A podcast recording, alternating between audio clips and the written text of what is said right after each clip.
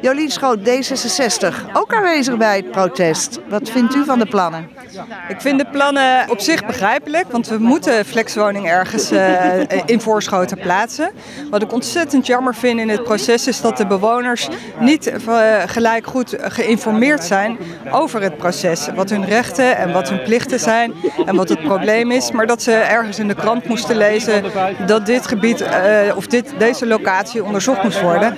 Dat vind ik niet zoals ze om moeten gaan met, met de inwoners. Maar er zijn natuurlijk meerdere locaties.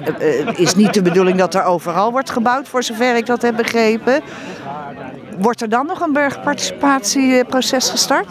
Ja, er komt wel participatie, maar in een, in een later stadium. En dan gaat het meer uh, ja, over de inrichting. Dus uh, uh, zeg maar, of, of een, een voordeur een beetje meer naar links of een beetje meer naar rechts komt, stel ik me zo voor. Of de kleur van de, van de gevels, dat het past bij de, bij de omgeving. En het is ook heel lastig om een participatieproces dat mensen mee mogen doen vorm te geven met, met flexwoningen.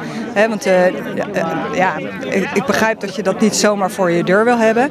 Maar participeren betekent ook mensen informeren. En, uh, dus het is niet altijd zo dat je mee kan praten, maar wel dat je netjes en bijtijds geïnformeerd wordt. En, en daar, daar blijven wij op hameren.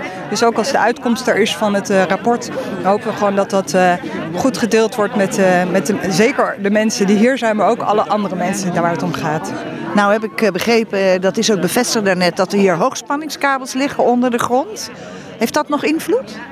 Uh, ja, dat lijkt mij wel. Dus uh, dat wil ik ook graag zien. Uh, want de mensen die hier zouden moeten komen wonen, als, er, als deze locatie daar voor in aanmerking komt, die moeten ook gewoon gezond kunnen leven. Ja, maar dan blijft dan maar een heel klein deel over van deze grond, waar die flexwoningen gebouwd kunnen worden.